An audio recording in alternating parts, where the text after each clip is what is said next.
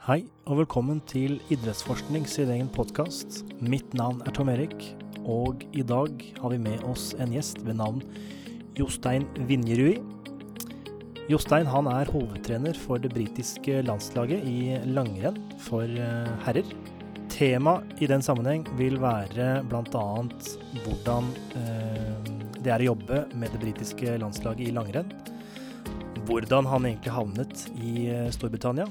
Eh, der han tidligere har vært eh, trener for ulike norske lag. Dette gjør at det blir svært interessant å høre på forskjellene mellom norske og britiske langrennsutøvere, og hvordan man eh, muligens må ha litt ulike tilnærminger til ulike nasjoner. Og med det så ønsker vi deg god lytting. Velkommen, Jostein. Hvordan går det med deg? Takk for det. Det går bra her. Kjempefint.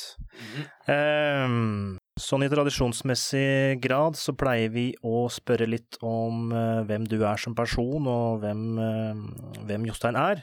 Så hvis du kan fortelle litt om din bakgrunn innenfor eh, utdanning og jobb, og eh, etter hvert fortelle litt eh, om eh, hva du jobber med. Ja. Nei, jeg har jo litt eh, variert bakgrunn, kan du si. da. Jeg er jobber jo i dag som, som landslagstrener i langrenn for Storbritannia, men veien dit har vært via eh, flere andre typer jobber. her. Egentlig så er jeg utdanna politimann, så jeg jobba som eh, politi en del år i Tromsø. Eh, men før det så har jeg gått på ski sjøl og, og tatt eh, idrett, eh, grunnfag i, i Meråker og gått på det der. Og så bevega meg litt vekk fra skimiljøet en periode. Og så, etter at jeg kom til Tromsø, så ble jeg tatt mer med inn i renn. Altså det var en på stasjonen der som På den tida så var jeg en singel, så han mente at jeg var singel og ikke hadde noe bedre å gjøre på kveldene. Og så burde kunne være skitrener på, på Kvalesletta i skilaget der. Så, så da begynte jeg å jobbe litt der med en gruppe med 12-14-åringer sammen med en, en annen trener der som heter Kristian Skogstad. Og så balla det på seg. Så til slutt så slutta jeg i politiet, og så ble jeg regionlagstrener da, oppe i Tromsø, Team Nord-Norge som det heter da, som starta opp. Og så har jeg vært trener på heltid etter det, da. Ja, riktig. Riktig. Eh, ok, så du har egentlig ganske variert bakgrunn, og du har vel også vært innom Island, stemmer ikke det? Jo da, så etter at jeg var ferdig i Nord-Norge, så ble jeg, var jeg landslagstrener for Island, men det var jo ikke noe sånn 100% jobb, da, men jeg var en, en, en del av det jeg drev på med. Så var samtidig da så var jeg trener for et lag som heter Team Syndfjell den sesongen. Og så starta jeg opp noe som heter Team Telemark, som fortsatt eksisterer, da, men der er jeg ikke inne som trener eller noe slikt lenger. Men uh, mens jeg var på Team Syndfjell, så var det på en måte det som uh, leda meg til Storbritannia etter hvert. da, For det var Andrew Young utøver. Og så parallelt med det her, da, så fant jo jeg ut og trengte mer måte, faglig påfyll rundt det langer, med langrenn her. Så da har jeg tatt trenerkurs eh, gjennom Skiforbundet. Og så har jeg tatt eh, Topptrener 2, som er et sånt eh, masterstudie det, som er, ligger under NTNU i Trondheim, da, som drives av deg sammen med Olympiatoppen. Så det er på en måte jeg har en god, god blanding av utdanningsbakgrunn, da, så mye praksis oppi det hele samtidig. da. Mm, mm, mm. Riktig. Du, eh, dette Team Telemark, er det samme som Team Veidekke? Nei, det er ikke. Det er et privatlag som starta opp. Det starta med opp, eller opp da, for at da, på Team Syndfjell som jeg var da, så var det veldig mange løpere fra Telemark. Uh, og så var jeg, jeg er fra Telemark, fra Rauland i Vinje, da, så da fant jeg ut at Eller da tenkte jeg at uh, kanskje vi skulle prøve å få alle de her hjem til Telemark, og så kan jeg gå for uh, uh, Telemark i stedet for å gå for en fjellregion på Innlandet. og så fikk vi til det, da, sammen med noen andre og fikk samla en det vi trengte av midler for å kunne starte det opp. Og så Det går nå videre enda, det. da, Så det, det er et bra prosjekt, det. Ja, riktig, riktig. Så det vil si at du har jo en ganske variert bakgrunn innenfor langrenn, i hvert fall geografisk, og helt sikkert også på ulike nivå. Mm. Fra det å gå, til, gå fra grunnfag idrett til å bli landslagstreneren for uh, Storbritannia, det er en ganske lang vei, vil jeg si. Ja. Men hva er det som må til for at du eh, ble det? Altså, hvilke, var det tilfeldigheter, eller var det bevisste grep du gjorde for å uh, sette deg i posisjon?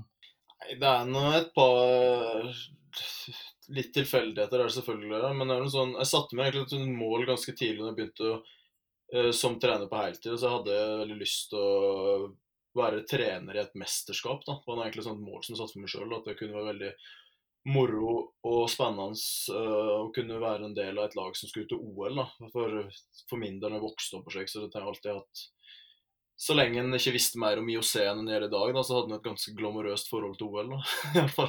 Sånn at, uh, sånn at når en da Det ble liksom et naturlig mål å prøve å komme seg dit. da, Så vet en jo for, for å gjennom en norsk miljø og norske forbund å komme opp og fram der, så det kan være vanskelig, det. Så jeg måtte prøve å finne sin vei til å gjøre det. da, da når jeg da først var i Syndfjell, da, det var jo liksom tilfeldig der, da, så, så, var jo Andrew Young der. Da Da var han en forholdsvis god senior som allerede hadde begynt å gjøre det ganske bra. Han var, han var ung, og så var han veldig tydelig på at han ville uh, følge min trening da, når han kom inn på laget der, ut fra det som jeg hadde gjort eller jeg hadde gjort i Team Nord-Norge med løperne der tidligere. og Så funka det veldig bra med han fra starten av, egentlig. Og da uh, var jo han Eller liksom britiske skilandslaget da, det var jo ingenting egentlig i forhold til det nå. Da. Så, for det, det har gått, tatt veldig mange steg siden da. Da hadde ikke de penger til å ha uh, trenere ansatt på fulltid og smørere og, og diverse, så da var det at den uh, Nå snakker du om det britiske, ikke sant? Ja, britiske, ja. Ja, riktig, riktig, riktig. Ja, så da var det sånn, da spurte jeg om jeg kunne være med ut på noe worldcuprenn. Og da hadde jeg jo egentlig en ansvar for Island. altså Det kunne jo være litt sånn komplisert, men på den tida så hadde ikke Island ah, ja. noen løpere som var worldcupløpere. Sånn, ah, okay. da, sånn at da ble med Storbritannia ut på en del ting. Fikk litt worldcuperfaring, men året etterpå så var det mer mot Island igjen, da. Samtidig som jeg fortsatt var trener for Young, da, ikke sant. Ja. ja. Så det er liksom det på den tida der så var det, det var to små lag som egentlig trengte hjelp, begge to. da. så, så, og det ikke, var ikke på den tida de mest attraktive plassene for folk å jobbe. Så, Nei, riktig, riktig. Riktig, riktig. Ja. You had a question, Matthew? Uh, I think I understood it right, but the British team pretty underfunded. Mm. Yeah. Okay, yeah. Um, because I think, like, I don't know, maybe like 20 years ago when basically nobody in the UK watched the Winter Olympics. Mm. Um, you would see cross country skiers, and I think most of them were in the military, and that's basically yeah. the only reason they got time to compete. Yeah. Because, like in the British Army, basically, if you're good at sport, you're not a soldier. Mm. You just basically play sport like rugby or skiing or whatever. Yeah. Like I've got I've got a mate who is in the Royal Air Force who just Mm. basically plays rugby full time, and it was the same with, as far as I understand, I might be wrong, and Justin's probably got a better understanding than me, but pretty certain it was anyone who could essentially get their um, holiday time during the military work. Is that is that correct? Ja, altså det stemmer det. Altså, tradisjonelt så har skiidrett, og spesielt langrenn og skiskyting, da, eh, vært eh, forsvarsidretter i Storbritannia. Eh, Det har jo endra seg litt i, forhold til langrenn, i alle fall. Men, og det var fortsatt sånn i, i lang tid altså var det fortsatt lang- langrennsløperne kom derifra. Men, så, men det er jo litt sånn spesiell den generasjonen som har kommet nå med skiløpere fra Storbritannia. Der du har liksom Andrew Musgrave og Young da, som har gått uh, foran på en måte og vært de som virkelig har fått gode resultat. Men de kommer vi fra et miljø i, eh, i Huntley, spesielt i Skottland, som uh, foreldra deres, uh, og spesielt da uh, han Roy Young, da, faren til Andrew Young, han har jo drivkrafta som på en måte har fått hele laget opp og fram der. På det nivået det er nå. Han kunne jo ingenting om langrenn, men det var jo gode, store idrettstalent i andre idretter òg, og da kunne det Men langrenn ble idretten, da, ikke sant? Mm. Og, og da De har på en måte gått litt utenom det gamle, tradisjonelle i britisk skiidrett, da. Fordi at det var jo ikke noe tilbud for 15 år gamle gode skiløpere, da. Eller 14-åringer. Så det, det, det, det var jo før det var, var et opplegg. Så da, de gjorde de ting på sin egen måte. Og når de da var så gode at de kunne gå f.eks. et junior-VM og slike ting, så måtte de gå gjennom forbundet på en annen måte enn det de tidligere har gjort. Altså den, den veien har blitt laga til mens det har gått. Så det er sånn grunn Eller hva skal jeg for noe? Utviklinga som har fulgt langrenn i Storbritannia de siste 10-15 åra. For å si det litt enkelt, da, så er jo det på grunn Den utviklinga har fulgt Andrew Musgrave og Andrew Young, da. Sånn i Ja, utgangspunktet. riktig. Så, riktig. så han brukte å si han Roy, da, som var hovedtrener nå helt fram til etter OL i, i Pyeongchang, at uh, han kunne jo ingen, ingenting om det, egentlig, men han var veldig ydmyk på det sjøl. Men han er, jeg vil jo si han har lært masse og er super, superflink til å ha det utgangspunktet han har hatt. Men hans Mm. viktigste oppgave var jo å springe etter deg og, og bygge hyller, sånn at det ikke datt altfor langt ned hvis det var et eller annet som skjedde. Så liksom han, Ja, riktig. De greide aldri å ligge i forkant av utviklinga til løperne, da. På mange måter. Ja. Så, men du har jo rett i det. Det er jo Forsvaret som tradisjonelt har, eh, har stått for uh, skiløperne, men det har nå snudd nå. da, uh, for at, uh, og Sammen med skiskyting også, så har jo Forsvaret trukket seg på en måte mer ut det enn det var før. Til og med i Pyeongchang så var det jo utøvere med i OL som hadde begynt med skiskyting i Forsvaret i voksen alder. Ikke sant? Så det, det er jo et helt annet utgangspunkt. Men den, den støtten har blitt trukket. da. Forsvaret ser ikke nytten av å gjøre det på den måten lenger, sånn som jeg skjønte skjønt det. Okay. I didn't. I didn't get that last bit. Uh, the support from the military has been um, pulled away. Oh right, yeah, well, yeah, that Yeah. makes sense. Yeah. Um, I think I think generally winter sport is a bit more funded now, especially since like um, uh, when is 2014? Is that Sochi? Yeah. Is that the winter? s- Yeah, I think they've, they've kind of done a little bit better generally. I thought maybe it was, I think it was Sochi where they got the first medal in snowboard. A woman, Yeah. Jenny, can't remember her surname. It's like Britain's first Yeah. medal in snowboarding, and so then funding's that's what how it happens. Funding just gets more and more. Ja. I think basically the main winter sport that gets all the money in Britain is speed skating. Yeah, Yeah. well, there's a Short, because short there's a track. Short track har vært populært. Og så yeah, yeah, yeah, curling og bob. yeah. Oh yeah, oh yeah. We boss curling because it's just Yeah. what Scottish Yeah. people do. Ja, But there's loads of like they've they got a lot of funding for speed skating. Basically, there's a girl who's a world champion, ja. Else uh, Christie. but yeah, but she's never finished a race in two Olympic cycles. Nei, nei.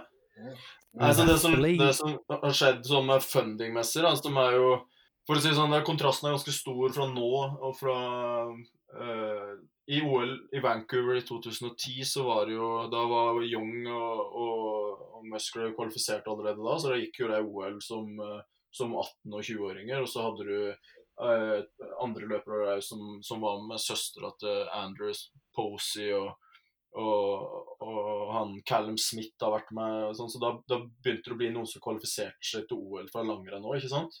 Men eh, et av problemene da var jo at før på høsten der, hvis jeg husker riktig, høsten 2009 så gikk jo eh, Skiforbundet konkurs. Så da var det jo tomt for penger. Mhm. så, sånn at eh, for at de skulle komme seg til OL sjøl, det var egne midler det å innsamle det lokalt da, for å komme seg til OL-et der. Mens eh, pga. Eh, at Skiforbundet har bygd seg opp igjen, som du sa, etter Sotsji, etter at de fikk medalje der, så har Skiforbundet nå måte tatt tilbake langrenn igjen. da, Fram til 2017 så var det noe som heter British Nordic, som på en måte ble nesten som en kan kalle det et privatlag i langrenn, da, som var britisk. Men Skiforbundet hadde jo et ansvar for det, men det hadde jo ikke noe penger å støtte dem med. Så alt ble på en måte ordna lokalt, og, og fikk veldig mye støtte av det som heter Sport Scotland, som er på en måte Skottlands olympiatopp. da. For da Ja, okay. fikk eh, Siden eh, løperne i hovedsak er fra Skottland, så de hadde litt stipend, og, og, og Sport Skottland støtta laget med penger, da, sånn at det var mulig å, å, å drifte det. da. Mens da etter eh, Pyeongchang, da, som ble et veldig bra OL for Skiforbundet, som tok eh, medaljer i snowboard eh, med Billy Morgan og i sånn slopestyle skikjøring med en Izzy Atkin, pluss at Mussy var nummer sju. Eh, for at når du er topp åtte i eh, en olympisk disiplin, da, så blir du på en måte sett på som en eh, medal contender til neste OL. Eh, og da kom Skiforbundet inn under UK Sport, da. Og det hadde jo ikke vært skikkelig inne før. Sånn at de Når det da Og du har i tillegg Dave Riding i alpint, eh, pluss en del eh, enda flere snowboardere, og ei, jente, søstera til Lise Atkin, vant worldcuprenn nå eh, før jul i, i snowboard Nei, ikke snowboard, men i, i sånn twin-tip-kjøring og half, halfpipe. Eh, og vi har tre gutter som, som alle har vært eh, på, enten i teamsprint eller individuelt har vært topp åtte i worldcup. Så har jo UK Sport sett at når de har investert mer penger i skisporten, så, så kommer det enda bedre resultater. Sånn som så, så, så, Nå er vi fullfunda gjennom UK Lottery, da, eller UK Sport, da, som har Lottery Fund. da. Så, ja, så den, der har det skjedd mye, da. Ja, ja. Meget interessant. I feel Ja. like you're surprised by this funding, Tom Eric. Yeah, uh, yeah. Oh, not not surprised, but um, well, I could see that. Uh, I'll do this in Norwegian. Yeah, yeah, yeah. Eh, jeg kan jo se at, uh, at, um, at Storbritannia ikke har fått den største ressurs, største ressursmodellen pga. resultater, men jeg ser jo også nå at at Storbritannia som nasjon i, i vinteridrett kommer mer og mer. Ja, ja. Eh, ikke at jeg er den største fanen av vinteridrett, men jeg, den står jo ofte på nå i vintermånedene i helga, så jeg får jo med meg ting. vanskelig å unngå. Eh, ja, vanskelig å unngå, ja. Det er jo tradisjons, eh, i hvert fall i Norge, tror jeg. Eh, Så jeg er ikke overraska, men Men Det er litt- interessant, absolutt. Det som er litt spesielt med modellen til britisk idrett, i hvert fall sånn som jeg, det som jeg har eh, registrert, er jo at det er veldig liten tradisjon for privatsponsing av landslag. da. Sånn som vi har i Norge, da, med langrenn og skiskyting og, og friidrett f.eks. og alt mulig. Altså Til og med altså, britiske friidrettslandslag, sykkellandslag, har i veldig liten grad eh, annen sponsing enn gjennom UK Sport, som er UK Sport er jo altså statspenger, holdt på å si, er skatt, skattepenger der. Da. Så det er vi er jo på en måte kalt for governance supported. da. Sånn at vi eh, Alle som er inne under UK Sport, blir på en måte støtta av staten Storbritannia. For det, det er bare det er fotballag og rugbylag eh, som, som har private sponsorer, sånn som man ser. Hvis du ser en landslagsutøver fra Storbritannia, en idrettsgren, så svømming f.eks., roing, kajakk alle sånne store idretter. Det er veldig sjeldent at det er noen andre, andre sponsorer der enn en UK Sport og UK Lottery Fund. Da. Ah, Ok. Mm. Ja, det var nytt, eh, det var nytt for meg. Ja. Men, der, der, men der er det veldig mye penger, da. Ikke sant? Det, når hvis du kommer Ja, ja, absolutt. der, så er det der eh, Det er liksom store Det, det er pengekran. Eh, Men kan dette her ja. sammenlignes med tippepenger her i Norge? Altså tippe... Ja, ja, ja. Yeah. Ja, riktig. Det er grasrotandel-ish, eller Ja, eh, ja, tippemidler. aktig. Yeah, it, yeah, it's basically the same. I also forgot to say we always annihilate everyone at skeleton as well. Yeah. You know, skeleton. That's head first, right? In the yeah. bob uh, Yeah, yeah. Yeah, head first. Akkurat med hodet først. det er et galskap. ja, der er jo Storbritannia kjempegode. Tok jo halvparten av medaljene i OL i Pyeongchang. Oi. Så What was that last bit? Uh, half of the medals uh, got uh, or went to Britain. Yeah, yeah. Wow. It's just basically it's it's a bit like Britain are always good at cycling because we've got some pretty good engineers. So it's Yeah. just the equipment. Yeah. Ah. Ah. Makes sense. Ja. Yeah. jeg ser mye Makes sense. der, ja. Which makes me think that eventually could Britain do some damage in skiing if they get the engineering right, if they got the right athlete, if they got the sample of athletes. Uh, you think about uh, sm- smøring and uh, Just yeah, all that kind of stuff. Hva tror du, Jostein? Hvis du hadde hatt smørebua til uh, Norge ja. Vi har nå heldigvis et veldig godt samarbeid med Norges smørebod. Men det er sånn okay. vi har- Ja, vi har et veldig tett samarbeid med de. Det er eh, mye felles på testing av ski og på Spesielt på sliping av ski og ute på renn. Så sånn i praksis på skirenn, så for å komme ut til løypa, da, så noe er eh, viktig Eller eneste måten å komme ut til løypa på, er eh, Det er et sånt vestsystem som FIS har, altså startnummersystem. Som Mm, mm. hver nasjon har, eh, har et, et antall nummer da, ut ifra hvor godt du er ranka. Men så er det noe som heter Mm. Kors-vester. Kors 1 og Kors 2. Som det er to til hver nasjon, da. Men fordi at vi sjelden har Vi har veldig sjelden med oss fire stykker som trenger ut og teste ski, da. Så får Norge låne to av oss. Ja, stemmer det. Det var noe bråk ja. om det i fjor, eller sånt noe? Eller ja, var det i Det er liksom jevnt over litt sånn diskusjon rundt det, ja. men sånn som det er i år, så Ja. vi har et formelt samarbeid med Norge på det, og de får låne våre vester, og det er eh, veldig bra. Og, og tilbake så får vi jo da resultater på testene deres, pluss at vi får tilgang på sliping av ski og, og annet materiell. da, Og at vi Mm. har eh, jevnt over et tett og godt samarbeid med Norge, og til og med en del renn i løpet av vinteren, sånn som nå til helga når vi skal til Dresden på World Cup, så står smøreren vår i den norske traileren og smører ski. Og Da, okay. da hender det også av og til at han da måtte avhjelper Norge med å, hjelpe, eh, med å ta unna litt av deres ski, da, for at de skal rekke å få gjort alt sitt. da. For Norge stiller jo med mange flere løpere enn det vi gjør. Uh, Ja, ja. Og sånn totalt sett, det samarbeidet som er med Norge, så, så det, det som blir liksom kritisert, da, det, det som får høre at det kanskje at det, det er en stor nasjon som utnytter en liten en. da. Men for vår del så er det egentlig motsatt. Med, med Jeg tipper at vi sparer en plass mellom 100 og 150 000 kroner i året på samarbeid med Norge. I mm. rene penger, pga. at vi kan ha med kanskje en smører mindre av og til, og at vi har eh, ingen utgifter til, eh, til slipemaskin og, og sliping av ski. Hvis du skulle kjøpt deg slipemaskin, så hadde det jo kosta over en million. Mm. Uh, og hver slip koster, eh, koster en del hundre kroner. Mm. Så for vår del så er det heller slik at i stedet for ha, at vi har to-tre to, stykker som kan ut og teste ski, så har vi jo Norge sine ressurser i ryggen i tillegg. da. Så, så det er egentlig et veldig bra og godt samarbeid for oss, det. Og sånn, Mm, eh, mm.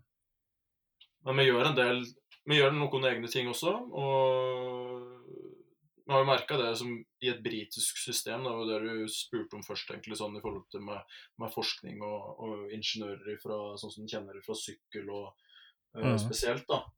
Så, mm. så er det jo uh, mye større Eller feil å si at det er større interesse for det i Storbritannia og Norge, for jeg kjenner ikke til det norske systemet godt nok til det, men i Storbritannia så er det i hvert fall en stor interesse for det. Det er det. Men eh, Ja, for ingeniørbiten, tenker du på? Ut- Ja, ja, ja. Ja.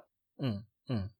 Men den spesifikke kunnskapen om ski og snø og slik er jo ikke så stor, da. Så det er, eh, så det, er det som på en måte blir eh, litt bremsen, da. Ja, riktig, riktig. Riktig, riktig. Um, dette Hva skal jeg si Kontrasten mellom England og Norge, som du helt sikkert har merka, er vel til stede der du har jobba med både begge, med både begge nasjoner. Mm. Hvilke største, eller hva er de største forskjellene mellom å jobbe med norske atleter versus britiske atleter, uh, egentlig? Uh, ja, det er nå noen ting, da, selvfølgelig, men uh, det er noe folk en jobber med uansett, ikke sant? Men eh, Ja, ja.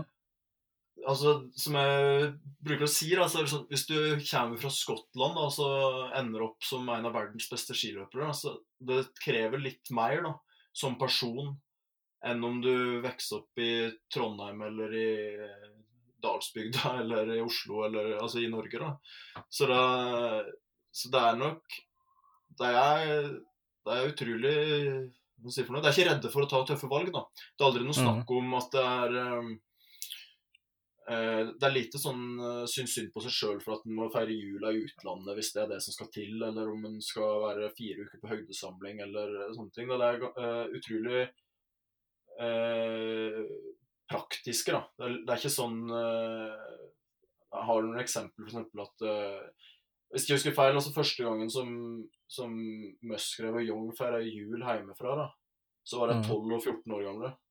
Wow. Oi. For at det, ja, for at da, da reiste jo den gruppa med skiløpere da, med trener Jeg tror de dro til Alpene en plass. For at, da, mm. for at skulle du gå på ski, da, så måtte du være på snø. Og det hadde jeg ikke hjemme, så da gjorde jeg det. Eh, og det er mange sånne andre eksempler på sånne ting som de har gjort som du aldri ville fått en norsk 15-åring til å gjøre. da.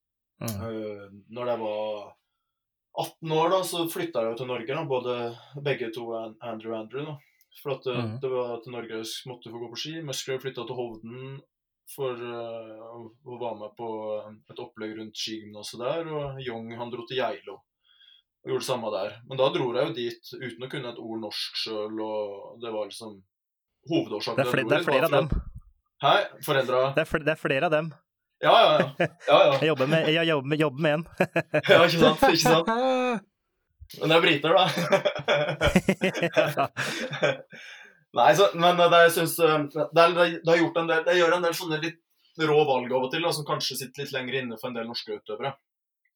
Uh, det går ikke bare på juleferie og slike ting, men det går på trening og det går på gjennomføring. og Det er veldig, veldig profesjonelle. Men på den andre sida så, så har jo det mangler som av og til som du Som er kanskje mer eh, det er, ikke, det er ikke så mye av det nå på deg, men kanskje mer når, når den er yngre, da, som du ikke ser hos norske unge utøvere. da, Som har uh, lært langrenn i Norge, for det, Mm. for det er en veldig bra skole å gå.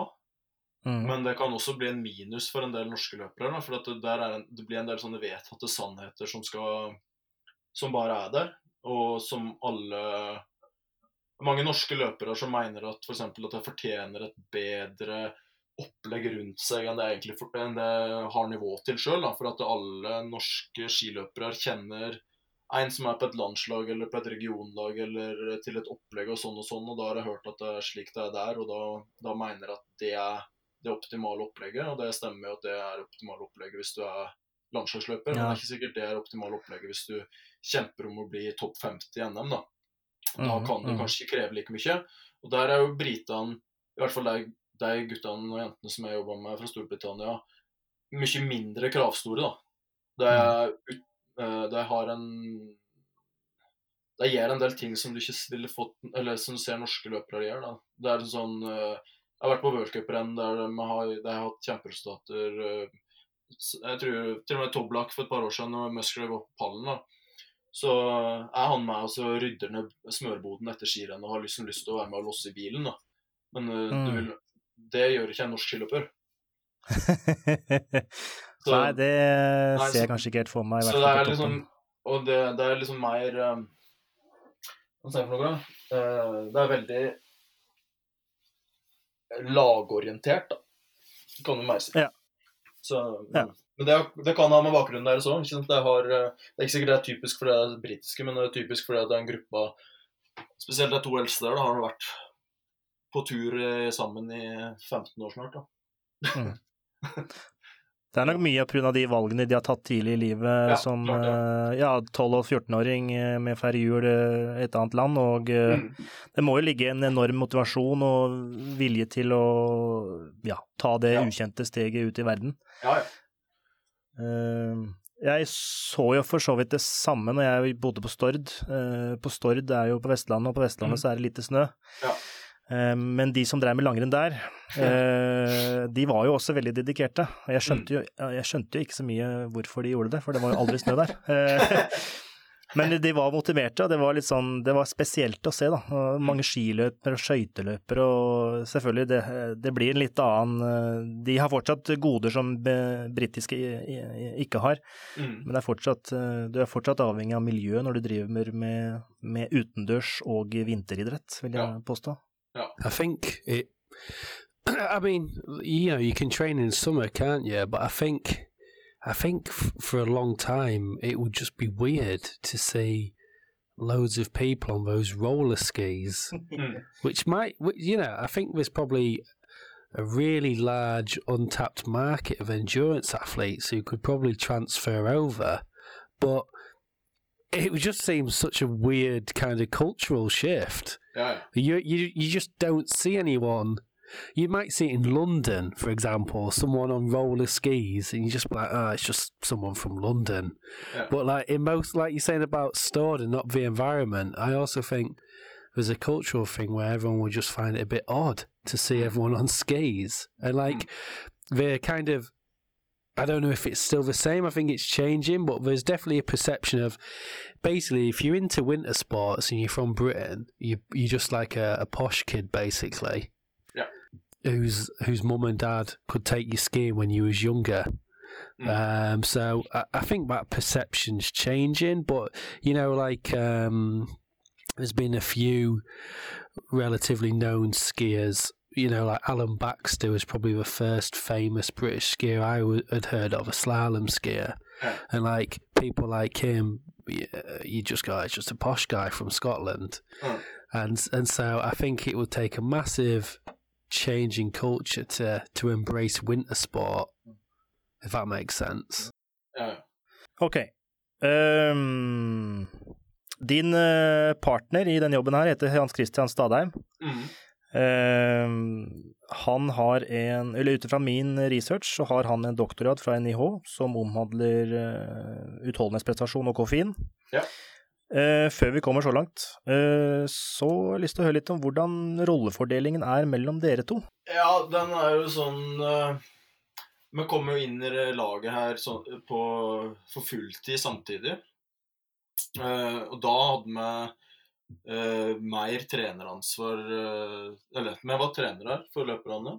For da var fortsatt han Roy Young med som hovedtrener ennå. Da hadde han ansvar for alt av logistikk og planlegging og, og bestilling av eh, flyreiser og kontakt med forbund og alt det der. Så når han da uh, slutta altså Jeg kom jo inn da som, fordi at jeg hadde trena Andrew Young i, så, i eh, et par år før det, og da ble det naturlig at jeg spurte meg om det. Og så var Hans Christian han var trener for, for eh, Musgrave på det her som heter Team Leaseplan, det laget som Alsgaard hadde. Ja, riktig.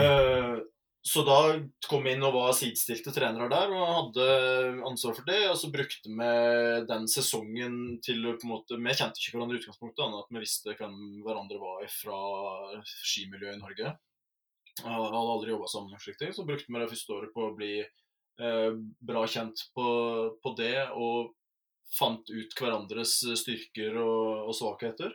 Og, og så med den bakgrunnen vi har her, så er det jo som du sa, han har jo en doktorgrad i idrettsfysiologi og har eh, er vel blant de norske Helt sikkert den norske skitreneren som har stått mest med tredemølle og, og, eh, og jobba med løpere, både te eh, teknisk og ting, men også fysiologisk, da, og har, har de tilgang på tall og en tallbank med utøvere for lang tid tilbake. Så eh, da ble jeg ganske naturlig at eh, jeg fikk et mer sånn kall det organisatorisk ansvar, samtidig som jeg fortsatt er med som trener.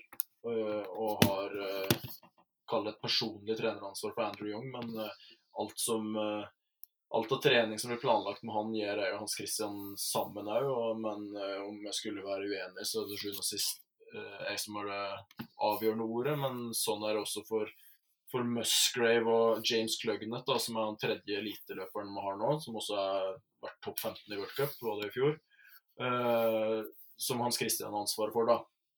Eh, så ha, min jobb er i hovedsak å sørge for at alt egentlig er på plass rundt laget hele tida. Prøver å ligge i hvert fall en par måneder foran resten med å ha reiser klare og flybilletter og sånn som jeg får Jeg sitter jo ikke bestiller og kjøper det fysisk sjøl, det, det, er jo folk på kontoret som gjør, men det er jeg som legger opp planen, da, hvordan vi ønsker å ha ting og, og, og gjøre det, da. Og så Hans Christian har et mer øh, større ansvar på feltet, da, for å kalle det det. Det er han som øh, er han som reiser, Når Mussy skal ha mølløkter i Trondheim, så er det Hans Christian som tar de turene. da. Uh, også, men vi, er sidestilt, og vi prater veldig mye sammen. Uh, ikke hver dag, men ikke så langt unna heller. Og, og legger mye planer. Og sånn som i, i morgen så, så kommer han ut uh, til meg her, og da, da, skal vi prate mer om neste år enn årets sesong, da, for å si det slik. da. Så, så, ja, riktig. Ja, så vi, Mm. vi har et veldig tett og godt samarbeid. og med, jeg bruker å si at uh, vi kunne ikke hatt det laget her hvis det var to som meg, og vi kunne heller ikke hatt det hvis det var to som han, men sammen så er vi ganske bra. Uh, liksom sånn Vi fyller hverandre bra ut. Og, Ja. og det er i hvert fall uh, for meg veldig givende å jobbe sammen med han og han, han andre veien. Vi er flinke til å utfordre hverandre. og beste med samarbeidet som vi har, er liksom at når vi diskuterer ting og er uenige, for det er vi innimellom så, så hender det at det kan gå litt sånn kulevarmt der, da, men da er vi utrolig flinke til å gå videre, da. Synes jeg. Altså, det er kanskje den beste egenskapen vi har. Da, at eh, hvis vi har hatt en diskusjon og er ferdig med den, så, så kommer det aldri opp igjen, da. Men da er vi ferdig med det, og så jobber vi videre. Det er slik som er ikke til å legge skjul på sånn som nå i, i vinter, så har ikke Muskler prestert så bra som alle eh, rundt han og oss sjøl, og ikke minst han, hadde håpa på. Da, det er liksom, mm. da er det da vi på en måte får testa laget best mulig. Da, det, da, det viser, eller, da er vi veldig gode til å stå tett sammen, syns jeg. da. Og da, mm. det er det altså, det er et bra, bra samarbeid, slik sett. Ja. Og eh, denne podkasten handler jo om idrettsforskning, og det er det som både er overordna tema. Ja. Eh, og eh, han har vel, eh, uten å eh, vite altfor mye, men han har vel den eh, Hva skal jeg si, det er han som bringer forskningen på banen inn i arbeidet deres. Tolker jeg det riktig sånn? Ja, det er absolutt. Det er han, Ja. det er han som er forskeren i laget, hvis en skal kalle det det. Men det er, også han er jo utrolig god på, på Han har tilgang her, selvfølgelig, og, og stor interesse for på det siste som er mye på forskning og artikler og slik. Og er han er veldig flink til å dele det internt i laget, både med, med meg, men ikke minst sende, holde utøverne opp tåhevet på det. da, For vi, er nå heldige og har de tre eliteguttene vi har nå på laget, er vel altså det er ikke det at andre ikke er oppegående, men det er smarte, oppegående folk som liker å holde seg oppdatert og, og, og forstå en del ting. Altså, det er veldig Mm. fint å kunne holde deg oppdatert faglig. Mm. Det, Altså de får et eierskap til eh, treninga og uh, sånne ting? Ja, og det er veldig interessert i, i ting som har med trening å gjøre. Riktig. Altså, Hans Christian er jo den som på en måte har eh, som jeg sa, han, han har jo forskerbakgrunnen da, i Ja, ja. Bare et sånt kjapt spørsmål om, angående hans doktorgrad. Uh, han har jo uh, eh, hva skal jeg si, uh, forska litt på koffein og bruk av koffein inn mot utholdende prestasjon. Mm. Er dette noe dere bevisst bruker, altså kaffe eller lignende? Ja, Det gjør vi. Det, det Ja. tror jeg de fleste gjør. Men det er jo uten å gå i detaljer, for jeg kan ikke alle detaljene om det, men uh, Mm. det, det, det bruker vi systematisk rundt. Men er det da eh, kun i konkurranse, eller også på treninger? Nei, det er stort sett konkurranse, men det hender at vi gjør det på treninger. For det handler litt om å måtte øve litt på hvordan kroppen eh, reagerer på det den skal gjøre. Da. Riktig, riktig. Ja. riktig. det, men det er ikke noe sånn eh, Hva det for noe? Det vi gjør, er ikke noe grensesprengende i forhold til det mange andre utøvere driver på med, tror jeg. sånn, på den trendbiten, da. Men det er slikt. Det er en tilnærming folk har. og Riktig. Det er ikke alle som reagerer, reagerer har noen respons på det heller, ikke sant? så det er litt sånn individuelt at man må finne ut om man har det eller ikke. Mm. Men har dere, er, vil dere si at dere gjør noen andre grep enn f.eks. det mest, eller det tradisjonelle det norske landslaget gjør? I forhold til koffein, tenker du på? Nei, nei, da tenker jeg på i forhold til trening eller organisering eller uh, hva som helst, egentlig. Ja, altså Vi er jo et veldig mye, en mye mindre organisasjon, da. så jeg bruker jo å sammenligne det med at eh, hvis, det, hvis det dukker opp et eller annet, da, så er vi Mm. mer som en sånn liten krysser da, som kan eh, snu oss ganske kjapt da, ikke sant? Eller, i, i sjøen. da, Mens Norge kan helst si er et hangarskip. da, Når, når det først Mm. får snudd, da, så kommer jo hele bøtteballetten. da, Så da er det vanskelig å stoppe. Men hvis, kanskje den kan greie å ta deg før det rekker å snu. da, ikke sant? Så, Ja, riktig, riktig. for litt sånne ting. Men det, det, er stor, det er en stor fordel for oss det at vi er en, med en liten organisasjon. Det er jo sånn, Hvis det er ting som dukker opp, så er det veldig kort vei i beslutningsprosessen. Da. Det var et sånt eksempel som jeg har brukt før. Da, så liksom, det ble endringer i terminlista for to år siden. Ganske mm. sånn eh, Ikke store endringer, da, men det var altså sånn det måtte kaste om en del på planer eller i programmer da, på hvordan skirennet skulle bli til vinteren. Men det fikk jo på en måte jeg og Hans Christian med bestemt oss for hvordan vi skulle gjøre det i løpet av noen meldinger. når vi var på vei til å feire 17. mai i Sogndal, faktisk, jeg og samboeren min. Og da, da hadde vi en stopp der og skulle på do, og i løpet av den tida der så hadde vi endra sesongplanen. ikke sant? Så det Man kan gjøre det ganske kjapt. da, En så større organisasjon kanskje måtte ha brukt to-tre møter på det. da, Og Ja. få, få kabalen til å gå opp, da. Men eh, vi, Mm. vi trenger ikke bruke så lang tid på det. Og så blir det vel mest sannsynlig en større trenertetthet. Altså, jeg vet ikke hvor mange utøvere dere egentlig jobber med. Dere har nevnt tre stykker, er det, er det flere? Vi har tre på elite, elitelaget, og så har vi ei dame som er på det vi kaller for uh, sånn kontinentalcuplag. Hun, hun bor i Oslo og konkurrerer for Heming og er med på et opplegg uh, gjennom noe som heter Team Obos. da. Men hun får det vekt av det britiske skiforbundet og, og, har Hans Christian som trener. Så, Riktig. Sånn som i dag, Riktig. så har man på økt med henne, f.eks. Mm. Ja, ja. ja. Men vi kan ha ganske tett oppfølging. Men det tror jeg etter hvert Eller det er nok uh, mer og mer av det virker det som i andre lag òg, da. Men vi kan være ganske tette på.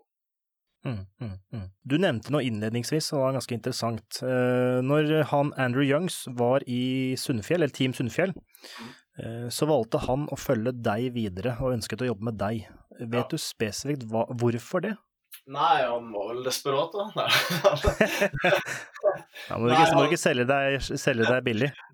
Nei, han eh, Nei, ja, det han sa da, det var på grunn av uh, uh, de resultatene som han så at jeg hadde hatt med Team Nord-Norge i, i når jeg bodde i Tromsø. da. Så siste året der, så da hadde vi veldig mange gode løpere. Og, og det var jo et de, de, gjorde det bra. det var Både resultatet til utgangspunktet var bra løpere, men også uh, eh, pga. jobben som jeg hadde gjort. og Da så han at det, det Han var nysgjerrig på det, mine tanker rundt trening og slikt. og så, så var vel det hovedgrunnen. Mm. Og Er det noen uh, spesifikke tanker rundt trening som på en måte gjør deg, eller som skiller deg ut, eller som uh, passer Andrew Young godt? Ja, altså det som treningsmessig for min del altså, Som trener så er jeg jeg vil karakterisere meg sjøl som ganske kjedelig. da. Sånn i ja. norsk målestokk. Sånn, jeg er tilhenger av eh, det som er norsk klassisk trening. Som er volum og gå rolig på langturer og greier å trene 80-90 timer i måneden som en seniorløper i langrenn og ha to gode intervaller i veka, så kommer du veldig langt, da. Uh, og den store endringa, det på en måte var endringa for Young, da, som jeg gjorde med han, det var jo faktisk at jeg tok ned treningene, så jeg fikk til å trene mindre, spesielt om sommeren. Uh, for han, han, trente mye, langt over 100 timer, 110-115 timer kanskje på en måned om sommeren. Og så mhm. ble han som regel sjuk en gang på vinteren. Og så og så ble sluttsummen ikke så stor likevel på trening. da, Men så har jeg mye større trua på at en kunne greie å holde et jevnt høyt nivå på treninga gjennom store deler av året. Så hvis en da i tillegg da kan greie å orke å trene 70-75 timer når det kommer litt utpå sesongen for å kunne stå mm. sesongen godt, da, så, mm. så, blir sluttsummen bedre. da, og det, det viste seg jo det, altså som han, det første året jeg hadde han, så hadde han aldri trent så lite om sommeren som han gjorde den sommeren, men uh, sluttsummen året over, så hadde han aldri trent så mye i løpet av et år heller, da. Så det ja, ja. Så totale volum økte, men reduksjon i volum i en periode på sommeren? Ja, gjorde det. For å kunne orke å, å ta imot all treninga. Og det, det er nå i store trekk det som uh, er i hvert fall uh, Jeg er ikke veldig eksperimentell når det kommer til økt uh, design og slikt. Der er det mange som er mye mer kreative enn meg, og, og mm. mange som har uh, gode resultater på det. Men uh, jeg har trua på, på jevnt og hardt arbeid over tid da, er det som gir resultater. Og at hvis en greier å holde seg frisk og skadefri, så er det det viktigste. Treneren ja. så store mengder som si 115-120 timer i løpet av en måned som som skiløper så er skaderisikoen fort ganske stor her. og Da må du gjøre endringer i treninga, og da går det utover det som skjer til vinteren.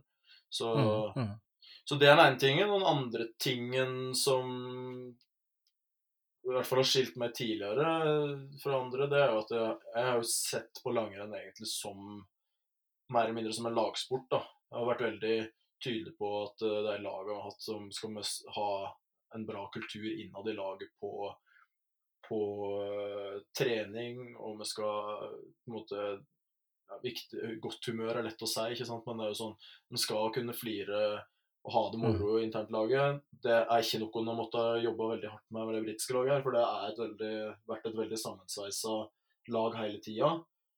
Men mm. uh, men er det, sånn, ja, det er noen småting, da. Eksempel at en eh, Det er banalt, da, men eh, det viktigste for meg det er at en møter på tida på trening og det som er avtalt.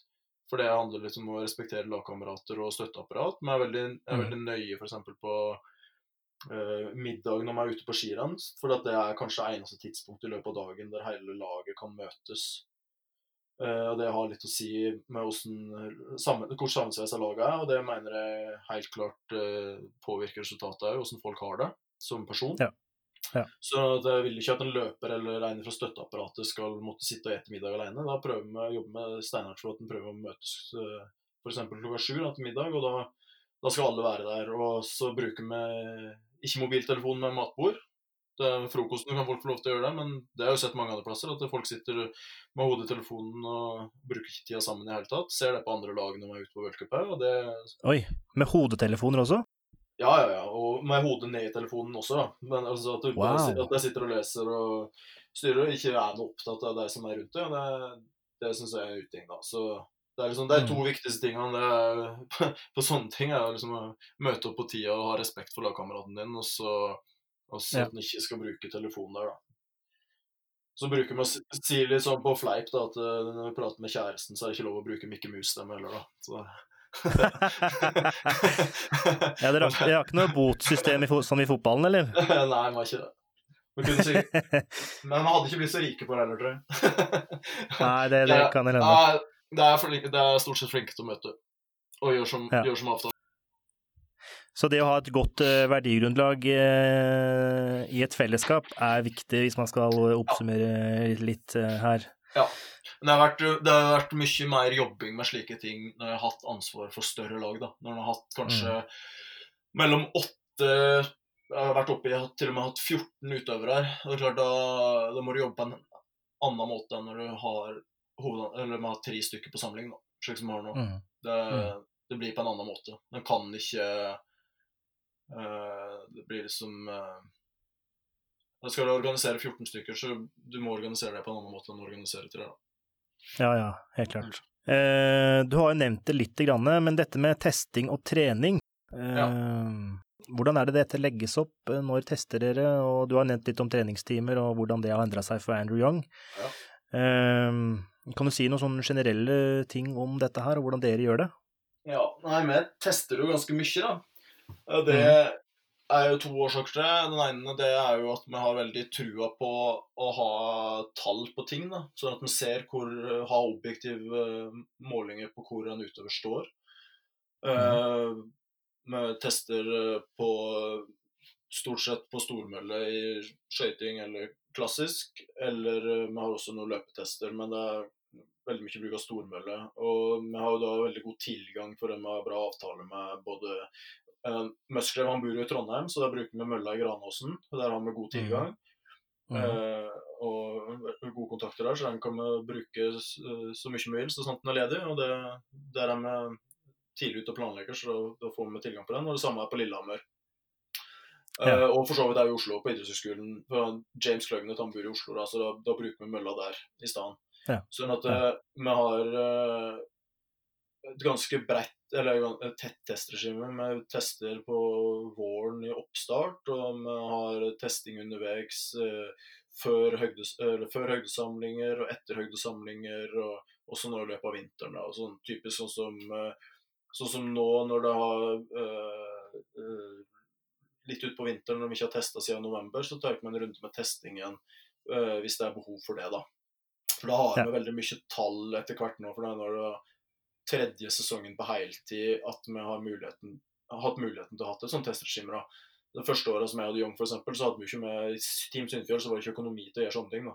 Og det var heller ikke, ble heller ikke gjort gjennom det britiske systemet, så det, det har vi ikke tall på. Men de siste tre åra så har vi veldig mye tall på disse løperne, så da veit vi eh, hva nivå de må være på. Også I tillegg så har jo Hans Christian han har jo en, en bra bank med testing fra før av. Vi har eh, tall på våre løpere, sånn at vi veit Når vi er på en gitt belastning på mølla, og de greier å fullføre den, så veit vi hva det kan tilsvare i worldcup på en, dag der det Ja, sånn, ja. forutsetninger kan være likt. Så er sånn, vi veit en del om hva som skal til for å kunne være i verdenstoppen. Mm. Og, Mm. Bare på tallene, da. Men det, det er jo en del. Men vi bruker det aktivt, for å si det sånn. Ja. Og så bruker vi ja, altså blodprøver for å være, holde tritt med det. Og så bruker vi DEXA-skanning for å se på kroppssammensetning. Ok. Riktig. På stormølla, er det da snakker vi Viatomax, arbeidsøkonomi eller laktatprofil, eller hva alt Ja. mulig av dette her, eller? Ja, alt mulig. Det er sånn typisk så er det at vi kjører en profil opp til en viss belastning til, til har eh, et laktat som vi, vi vil se, og så etter det så kjører vi som regel hardøkt på, på mølla. Ja. Da, det kan variere. da, Av og til så kan det være IT-økt, andre ganger kan det være en hardere intervall. da, Litt etter hvordan det er i sesongen, og litt etter hva vi er ute etter å teste da, og finne ut av. Men gjør dere noe Denne harde testinga etter profilen, er det sånn at dere prøver å ape etter en viss løype, eller kjører dere konstant øh, helling på mølla og øker farten, eller hvordan Det er litt begge deler der. Vi prøvde f.eks.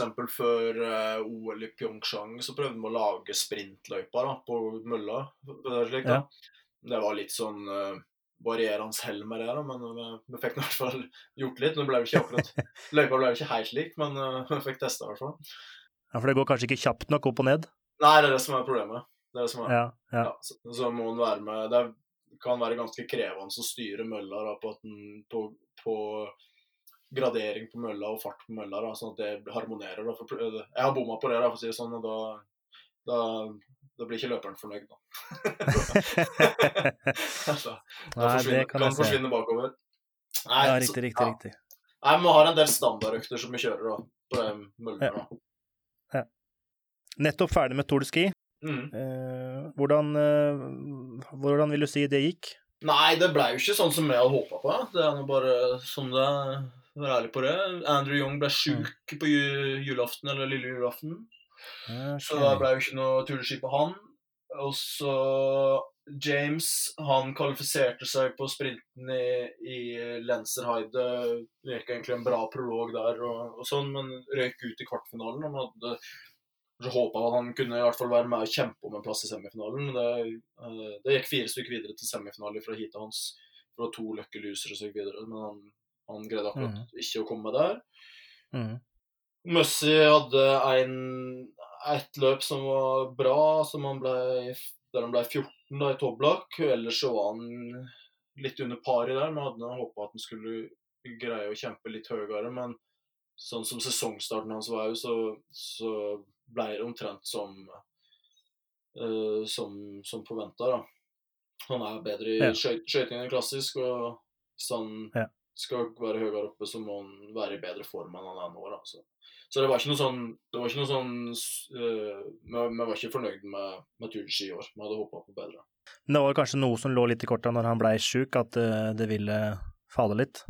Ja, altså for Young sin del så visste man Han gikk jo ikke helt tatt. Å ja, Young som ble sjuk, beklager. Ja, Young som ble sjuk, ja. Riktig, riktig. Så, så, så det var jo dumt, men han på Møsses Møsse sin del har det vært sånn opp, litt opp og ned nå fram til i starten av sesongen. Og flere, flere renn som han har vært misfornøyd med enn fornøyd med, for å si det mildt. Og da, Ja. da, da er det jo ikke unormalt at det blir sånn der og da. Så får vi håpe at det blir en bedre avslutning på sesongen. Tar dere da noen spesielle grep, eller følger dere på en måte kampplanen ut? Nei, vi har gjort eh, endringer på han allerede i år, for å si det slik. Da. Så, Ja, ja. så det, nei, vi tar grep underveis da. Eh, både på treningsbelastning og på eh, konkurranseprogram og alle slike ting. Så det, så det, det er flere ting som blir gjort. Og så legger legge på en måte en ny plan, og så må, vi fullføre den planen før vi kan eh, sette oss ned og evaluere og, og se hva det er. Det er vi litt opptatt av. at Hvis en først har laga en plan, så må vi fullføre Ikke at den er så lang plan, men at en, i hvert fall når en har en plan, så må en fullføre den for at det skal ha noe verdi å evaluere den. Ja, ja. Ja. Absolutt. absolutt. Ja. Neste store mål regner jeg med er Beijing 2022. Ja, det er det.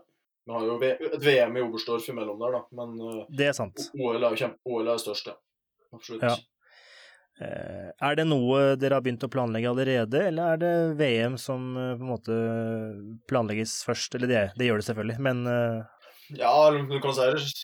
Vi har altså egentlig allerede etter OL i Pyeongchang, så det er jo det for, altså med britisk idrett er bygd opp, da, så er det veldig sykluser fra OL til OL. da. Sånn at da, da er planlegginga veldig godt i gang med Pyeongchang, nei, med Beijing. Det viktigste for oss er egentlig å finne ut hvor løypene skal være. Og det som blir den store utfordringa i neste OL kontra andre OL vært, det er jo at det går i høgda. da.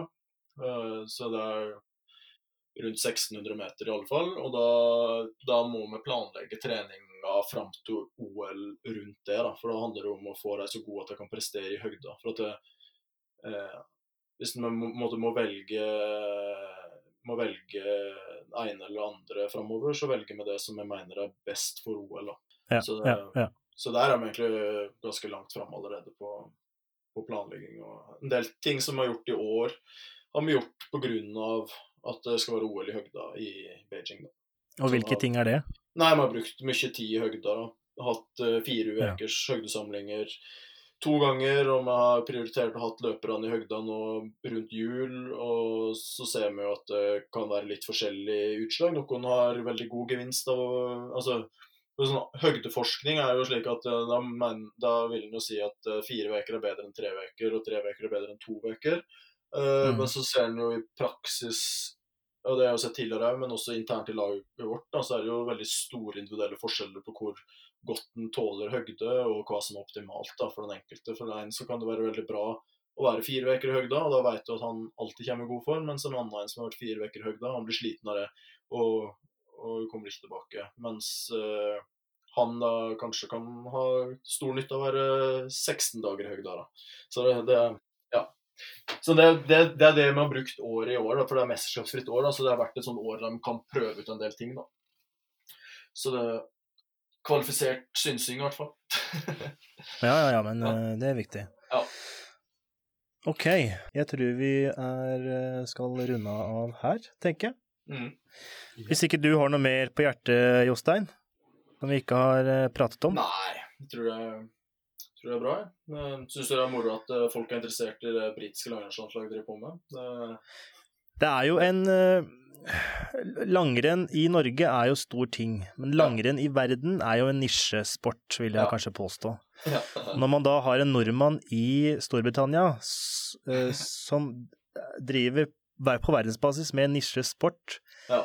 der kanskje sporten blir sett på som en, som en nisjesport, eh, ish i hvert fall, Ja. så er jo det veldig interessant. ja. Yeah, Ja. I think if you told someone you was a cross country skier in Britain, 90% of the population would say, What is that? Uh, like, I've got no idea between the difference between classic, skating, combined, Mm. biathlon, skiathlon. Yeah. Is it biathlon is it duathlon? See, exactly. I don't know the difference between. biathlon and duathlon. Yeah. Uh, biatlon er skiskyting. Oh, okay. Yeah, yeah. Uh, duatlon er skiatlon, heter det på engelsk. Så Yeah. Er det Ja, stemmer det. stilskifte. Første klasse Ah, skal okay. Mm. Yeah. See, to me, it's just. I remember first time I skied. See, like when I first skied, I was like 14 in Italy. and that's like a normal age when people first go skiing. Exactly. Yeah. Because I, remember I was talking to someone here the other day and they said, Oh, yeah, I started pretty late, like high school. And I was like, Oh, I thought like starting at kind of 13 was relatively young, which it uh-huh. is in Britain. Yeah. But I remember the first time in Italy, and I saw a, I was up in a gondola. I could see this guy mm. skiing up the hill. I was like, "There's a guy skiing uphill. What's he doing?" And he obviously had the cross country bindings and stuff. And it's the first time I'd seen that, and I was like, "What? what the hell is he doing?" Using uh, energy up. uh, I just thought this guy was a psycho. I didn't. I didn't understand what cross country skiing was. But I was going to say like, it's very like so.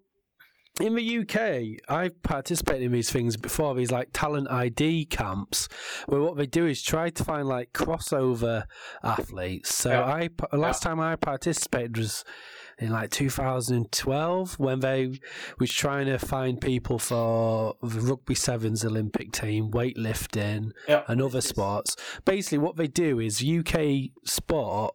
Um, we used to put out these talent ID camps where you sign up, you basically say what you sport you played, your background, Yeah. and you do a battery of testing. So I did like I participated in one. It's like a sprint test, an overhead medicine ball throw, wingate test, a yo-yo test, standing long jump, and they basically put you in like a talent ID camp. The most Mm. successful thing they've had, I believe, was I can't. I think it was called Sporting Giants, where Mm. they was trying to recruit into rowing, specifically tall people. Yeah. But I was thinking the other way. Maybe I mean, I don't know if it's within your scope or even in your interest, but uh, like, it's like these um, small countries are looking for footballers with really like um, weak links in, in citizenship and stuff. Just looking for like Norwegian uh, citizens with some kind of British link, like a British grandmother, Ja, for example. Nei, men det har vi jo faktisk Vi har det er, det er fælt å si, ja, men det er kanskje den beste rekrutteringsarenaen for britisk langrenn da, og skisport kan være. da. For det er sånn som han, Ah. Ja- James, som vi har på laget nå, Kløgnet, han har jo vokst opp i Frankrike med fransk far og, og engelsk mamma. Eh, vokste opp i Grenoble. Og så uh, driver på med langrenn der. og så han ble, han gått, Men han har gått for Storbritannia hele livet. da. Vi har også, Det finnes juniorløpere i Norge som har britiske foreldre, som har bodd i Norge pga. jobb og slik, og, er talentfulle skiløpere. Så, så det kan jo fort være den, den enkleste måten å finne britiske langrennsløpere på. da. Det er enklere det enn at en skal tro at uh, det som skjedde i Huntley for 15 år siden, skjer en gang til. da. For det, det er ikke så vanlig sjøl i Norge at en liten by eller bygd har to, løpere, eller to langrennsløpere som har vært på pallen i verdenscupen. Det, det er ikke Altså Ja, enten så må det skapes en kultur i den byen, eller ja. så må det tas Ja, ja. grep, sånn som det Talent ID Ja, ja. eh, Nei, Er det noe sånt i Norge? Nei, jeg tror ikke det. Ikke som jeg vet om. Men vi har jo sånn Vi hender jo at vi, vi har jo fått uh, e-poster med fra fra sånt uh, talentprogram i forhold til langrenn, da, der, det, der vi får tips om utøvere som har fysiske kvaliteter som om, Så jeg lurer på om de kan passe til langrenn, da, men vi, har jo ikke funnet det ennå. Langrenn er veldig komplisert, da. Sånn, altså, Ja. Det er nok den mest teknisk kompliserte utholdenhetsidretten du kan drive på med. Kanskje hvis du har svømming og, og sånn, men mm. det, er lang, det er vanskelig å gå på ski, da. Sånn i utgangspunktet. Men hvilke tester i den Talent ID-saken er det som passer til langrenn? For de gjør vel ikke noe tekniske langrennstester, disse her? Nei, men det er kapasitet, kapasitet da. Det er jo sånn at du kan Ja, få ja. Eksempel hvis roing, eller ei, dame som driver med roing, da har målt over 70 Joto, 75 Joto, så langrenn er jo en kapasitetsidrett, da. Så hvis du bare Kapasiteten er høy nok, så kan du kanskje greie å utvikle til et visst nivå. Men, øh, men vi har ikke hatt noe slik ennå. It just all reminds me, like I think it was Pyeongchang, Mm. where there was an Irish snowboarder. Really? Yeah, but he was based. He was either Canadian or American, just with Irish heritage. Ja. Just in his green uh, uh, snowboard gear. Ja, ja. Du har jo en, har en gutt nå, som, eller en mann er han vel, som heter Thomas Westgård. Han går jo for Irland i World Cup, men han har vokst opp i Trøndelag. da. Men han har irsk eh, mor. Ah, Ja, så han, var, han gikk jo World Cup i Holmenkollen i vinter og var nummer 23 i World, Cup 50 km i Holmenkollen. Og Da er du en god skiløper, da. Men hadde han vært norsk, så hadde han jo aldri fått godt World Cup. Eller altså godt for Norge, så hadde han jo aldri gjort det. nei, så, riktig, riktig. Så, så, så hvis det er noen som hører på, som kjenner med britiske aner som går på ski, så er det bare å ta kontakt. ja. ja, det er viktig, viktig å bruke dette her som rekrutteringsarena. Det ja. er eh, som sagt bare ta kontakt med Jostein hvis du har god kapasitet, så skal vi ordne noe. I mean, it's very normal in other sports where basically head coaches hear about a player. Oh, I've heard you might be a, you've got a, an American grandmother or whatever. Ja. especially in like sports like rugby, where you, where countries like Australia, which has got a quite a strong like immi- immigrant kind of background in terms of people coming from all over the place, Uh, it's very normal to try to investigate people's uh, backgrounds. So, like, there's a guy who plays football for Burnley, Ashley Barnes. Yeah. That is not an Austrian name, and he's played for Austria under 21s because his grandmother was born there or something. uh, and uh, uh, uh, the under 20s coach just heard about it. Before you know it, he'd got a couple of caps for that team. So we we should, uh, should just get uh, Brazilians over here to be good Yeah. at football. Uh, I, I thought he was going to say something that's about cross country, but yeah. No, no, no. just the same idea. Just recruit from another country that is good in that sport. Well, I was just thinking about when we're saying that uh, cross country is basically a capacity kind of sport. Like, it's just surely a matter of time before someone kind of does some kind of recruitment in very different parts of the world which have got a strong heritage in endurance sport. Is, is it more just a question of technique and technology, really, at this time, are access? Ja, ja. Det er jo sånn eh, og Sånn har det også vært for britisk eh, For Skiforbundet nå. Da. i, like før sesongstart nå så var det en som heter Gus eh, Kenworthy, som kom over fra amerikanske landslaget til det britiske, britiske landslaget, eller britiske skiforbundet. da. Han, han tok jo medalje i jeg tok sølv i OL ikke sant, for USA, og så har, eh, ville han heller konkurrere for Storbritannia. Så han ble litt på det, for han har britisk mor. da. Og det var ei anna ei dame òg, jeg husker ikke navnet hennes, som kommer fra kulekjøring, som, altså, så det, som er medaljekandidat. da. Så det, det er jo en, eh, en måte å få rekruttert folk til lag på i Storbritannia. Bra. Da tenker jeg vi runder av eh, der. Og for å oppsummere litt, så har det vært eh, veldig nyttig og interessant å snakke med deg, Jostein. Eh, Veldig interessant å høre din historie om hvordan du havna, i eh, England, med engelske, eller britiske utøvere. Og hvordan du legger opp langrennshverdagen for dine utøvere, og ja, at det kanskje ikke skiller seg så mye fra den norske modellen, og man prøver å bruke de ressursene man har til eh, rådighet, og eh, får eh, Hva skal jeg si? Heldigvis, eller heldigvis vil jeg kanskje ikke si, men positivt sett hjelp fra Norge og visa versa. Så det er jo veldig positivt for idrettens del. Det er jo alltid gøy, syns jeg, å se litt flere flagg enn Russland og Norge på resultatlistene. Noen vil kanskje være uenig i det, men litt Hva var det kaller det, Matthew? Diversity on the, on the result eh, standings? Mangfold. Mangfold, yes. Mangfold er fint. Dersom lyttere har lyst til å ja, kontakte deg eller eh, se litt hva du driver med i hverdagen din, hvor er det de kan eh, finne informasjon om det? Hvor er din kontakt, eh, kontaktinformasjon? Nei, du kan følge meg på, på Instagram og på Twitter, for så vidt. Jeg er ganske aktiv begge plasser. På Instagram så er det mye fra skirenn, og Twitter så driver på med deler av det som jeg syns kan være interessant. Spesielt rundt langrenn og en del rundt antidoping, da, som jeg er veldig engasjert i. Riktig, riktig, riktig. Ja. Det er bra. Det var dette for denne gang. Eh, takk for at du hørte på, og vi høres om litt.